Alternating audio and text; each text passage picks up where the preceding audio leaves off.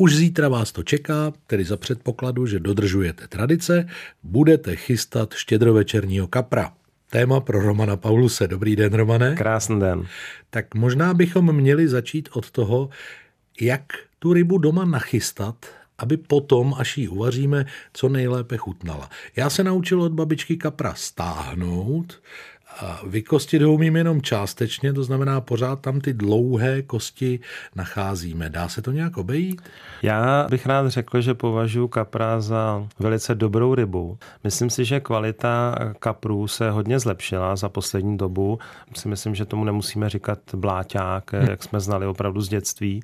Akorát jediné, co mi na tom kapru vadí, jsou právě ty kůstky. Ne až tak ty dlouhé, to víme, jak je vyříznout, ale takové ty vidličky, které jsou uvnitř těch svalů svalů a vlastně mm-hmm. se nedají klasicky vykostit.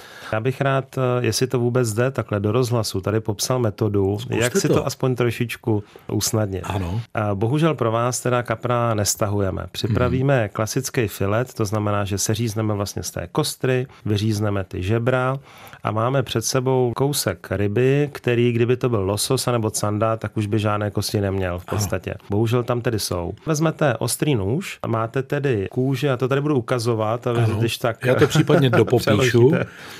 Kůží tedy na prkínku a potom ostrým nožem krájíme takové tenké plátky toho rybího masa, jeden vedle druhého. Všechno napříč? Klidně takhle dolů. Rozestupu takové třeba 2 až 3 mm. Mm-hmm. Cítíme, jak křupou ty kůstky, takže my je vlastně nakrájíme najemno. No a potom, když máme eh, třeba ty 4 cm, 5 cm tu porci, tak jednoduše prořízneme. A takhle připravené porce můžeme buď opékat, nebo smažit, nebo můžeme připravovat kapří hranolky. To se nerozpadne to maso, Romane? No díky tomu, že to drží na té kůži, tak ne. To Aha, nesmíte proříznout tu kůži. Rozumím, To jsem možná neřekl. Nesmíte proříznout tu kůži. Speciálně třeba při smažení těch kapřích hranolek, tak mm. opravdu potom, jako by tam ty kosti vůbec nebyly. Oni tam jsou ty malé, oni se ještě trošku vypraží, vysmaží a nemusíte se bát, že vám tady zaskočí ta kost. Je tam takový lehký rozdíl ve struktuře toho masa, protože samozřejmě, jak bylo nakrájen, tak to, ale nemyslím si, že působí jako namleté. Myslím si, že opravdu je to výhodné, dá se to jíst s příborem, můžete to celé sousto hezky skonzumovat. Jediný je potřeba nechat tam tu kůži a dobře propít, prosmažit, ať už tedy smažení v trojobalu, anebo třeba na pánvi. Obojí velice zjednoduší konzumaci kapra. To je tedy velmi zajímavý trik. Budu o tom vážně uvažovat, Romane.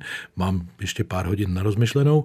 No a nakonec, ale pravdu, tady musíte vždycky pravdu, u vás se kapr smaží v trojobalu, nebo mhm. peče na pánvi, nebo peče v troubě? Já posledních asi pět let dělám dvě varianty. Jedno je v takovém vinném těstíčku s bylinkami mm.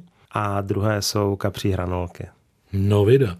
Já přidám ještě třetí variantu. U nás to sypeme mletým zázvorem a pečeme to v troubě. A vy si udělejte svého svátečního kapra, jak ho máte rádi vy, a zkuste ho prořezat jemně, ať vás netrápí kostičky. To je vánoční dárek od Romana Pauluse. Díky Romane, mějte se hezky. Mějte se krásně a krásné Vánoce.